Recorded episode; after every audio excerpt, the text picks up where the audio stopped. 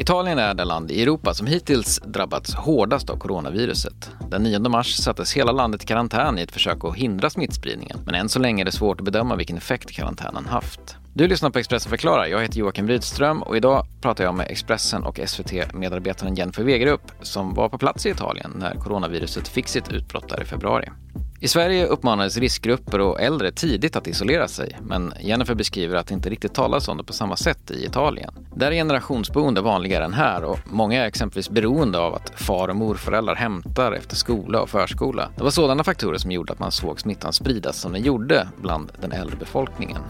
Nu är Jennifer Wegerup hemma i Sverige igen, men hon var på plats när Italiens karantän inleddes. Och i Milano, samma dag som landet stängde igen, träffade hon en man som sa Titta på det här torget vid eh, domkyrkan och Piazza Duomo. Det här är som på pestens tid. Och sen när man var i Rom och staden långsamt tömdes på folk och på natten då på slutet när man hade infört nästan alla förbud och karantäner så gullade spårvagnar och bussar tomma och allting var nedsläckt, alla restauranger och barer. Det var helt mörkt och gott, de var helt tomma. Vi var ute för att vi skulle sända live för Aktuellt och Rapport och sådär och det var en väldigt obehaglig känsla, eller framförallt overklig. Det var, det var lite spökstad över det hela och för oss som är uppvuxna i Europa i fredstid, det är det där tillstånd som man aldrig har upplevt förr. Det var fler som sa det, va? just att det kändes som krigstid. Ja, men det blir lite så när du inför sådana extrema åtgärder som det innebär att sätta folk i karantän, säga till dem att vara hemma, stänga ner precis allting, alla butiker, restauranger, barer. Det är ju väldigt, väldigt starka åtgärder i demokratiska öppna länder och så som, som vi alla är helt ovana vid. Tror att det är svårt för folk att sätta sig in i vad det innebär innan du har upplevt det på plats. Jag har ju en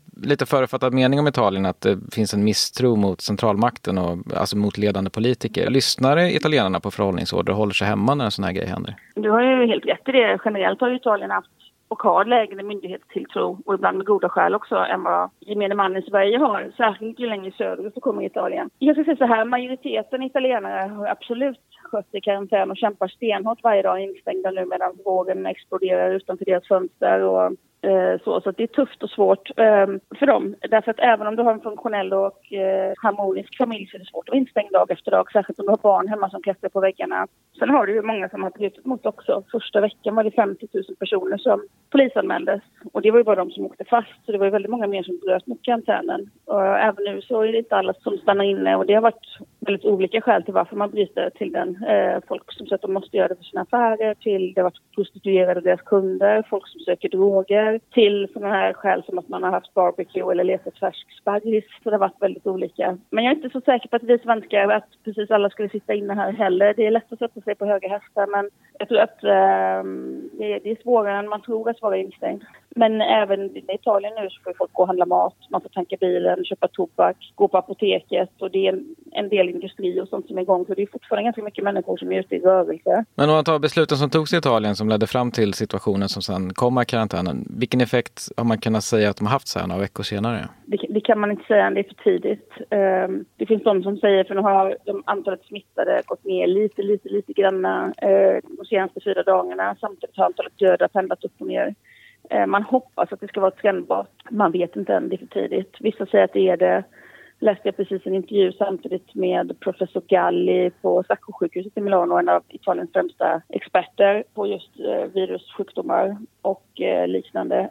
Och eh, han sa, ser ni verkligen en bättring? Jag sa ingen bättring alls. Det är meningslöst att fråga sig när det här är slut. Så att, eh, det är lite olika besked. Man hoppas också på sommaren och värme. Och eh, det man hoppas på mycket är också, bortsett från karantän, att eh, det finns, jag är ingen expert på virus, men att virus brukar mattas av efter ett tag. Eh, att det saktar in av sig självt. Samtidigt finns det en väldig oro för vad som kommer hända när vi släpper ut, någon gång måste vi släppa ut alla som är i karantän och vad händer då? Men om man vänder på det, finns det någon alltså så tydlig kritik som har riktats mot italienska eh, hanteringen av det? Det har varit en del kritik, eh, dels politisk från oppositionen och det ligger i sakernas natur. Men om man ska säga en sak som de flesta tycks vara överens om var ett misstag, det är att den italienska regeringen var först av alla i världen med att stoppa alla direktflyg till och från Kina. Och det verkade ju som en väldigt kraftfull och och bra åtgärd, men det blev mest av allt en politisk markering. Tvärtom innebar det, menar kritikerna, att man sänkte garden. Folk flög ju ändå, det vet vi alla, att det går alltid att flyga. Då flög man via någon annanstans och blev inte kontrollerad överhuvudtaget när man kom tillbaka in i Italien då. Där menar många var ett av misstagen. Sen är det tydligt, tyvärr, att många sjukhus och akutmottagningar har blivit smitthärdar. Det är, det är där väldigt många smittat, inte minst äldre och sjuka. Och det är problematiskt och där kommer det finnas anledning till att se över vad man, både slarv och fusk och inkompetens överens med säkerhetsrutiner. Det verkar också pågå viss desinformation, eller ja, kanske snarare ryktesspridning om och inom Italien. Att det är 16-åringar som dör eller att siffrorna medvetet överdrivs. Eh, vilken påverkan har det här haft?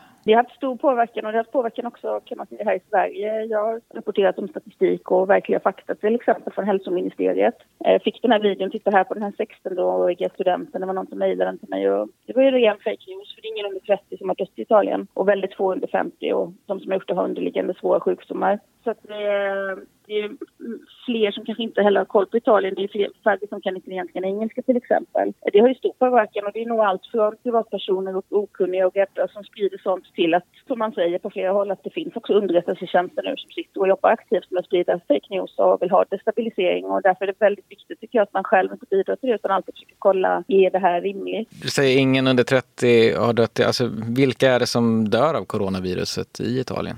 Alla siffror som vi har hittills som nu är fem dagar gamla, det kommer nya direkt från hälsoministeriet visar att det är de gamla och multisjuka som dör. Sen har det dött, eh, de senaste siffrorna då var det 17 stycken mellan 30 och 50 som har dött med svåra underliggande sjukdomar. 95 procent av de döda är över 60 år, 85 procent är över 70 år och 42 procent är mellan 80 och 89 år. 99 procent har minst en svår underliggande sjukdom som hjärt-kärlsjukdom, cancer, diabetes. Nästan hälften har tre eller flera. Den här professor Galli sa senast idag att Italien har otroligt många människor över 80 och 90 år. Och de kan må ganska bra i vardagen med tack vare ett gott hälsosystem och olika mediciner. Men när det kommer ett sånt här virus som corona så har de inte, då, då, då står inte de här gamla multisjuka kropparna emot utan de dör helt enkelt. Var fjärde italienare är över 65 år och det är motsvarar ungefär 13,5 miljoner italienare. Så vi kan nog tyvärr vänta oss att se en fortsatt höga dödstal. Vad händer nu? Jag såg en tv-skärm här på jobbet som sände ut CNN att det stod eh, “Virus crisis could be over in Italy by May”. Det lät ju hoppfullt men kanske inte så troligt. Eh, det är ju lite så som ingen vet och så. Många tror att vågen och värmen kan ta bort det. Liksom, det är väl lite det man hoppas på också i Sverige, att det kan svepa ganska fort genom vår relativt lilla befolkning att det ska lugna ner sig sen. Men ingen vet ju. Men det har ju som sagt varit en försiktig trend nu att siffrorna smittade har gått ner fyra dagar i rad. Men det är fortfarande väldigt små nivåer som man vet inte. Det är en förhoppning och det bygger på karantänen. Det bygger på att det inte fortsätter att sprida sig och få liknande stora smitthärdar i södra Italien. Man har ju nio isolerade kommuner i området Kampanjen. Att det inte sprider sig mer och att, eh, att det inte får en stor negativ effekt när folk väl eh, släpps ut. För då kan ju inte hålla människor Alltså, någon gång måste du öppna upp samhället igen. För det är total ekonomisk katastrof för det italienska samhället. Bara industrin förlorar tusen miljarder kronor, hundra miljoner euro i månaden. Det är sådana siffror som är svåra att ta in. Många är mitt i oron för viruset, otroligt oroliga också både för ekonomin på nationell nivå men också för sin privatekonomi. och så. Jag har mött förtvivlade människor och har kontakt med många dagligen och så som är otroligt oroliga. Du har lyssnat på Expressen förklarar, en podd där vi i varje avsnitt ger dig det viktigaste du behöver veta om ett aktuellt ämne ur nyhetsflödet. Du kan följa Expressens övriga nyhetsbevakning dygnet runt på Expressen.se, i appen och i Expressen TV.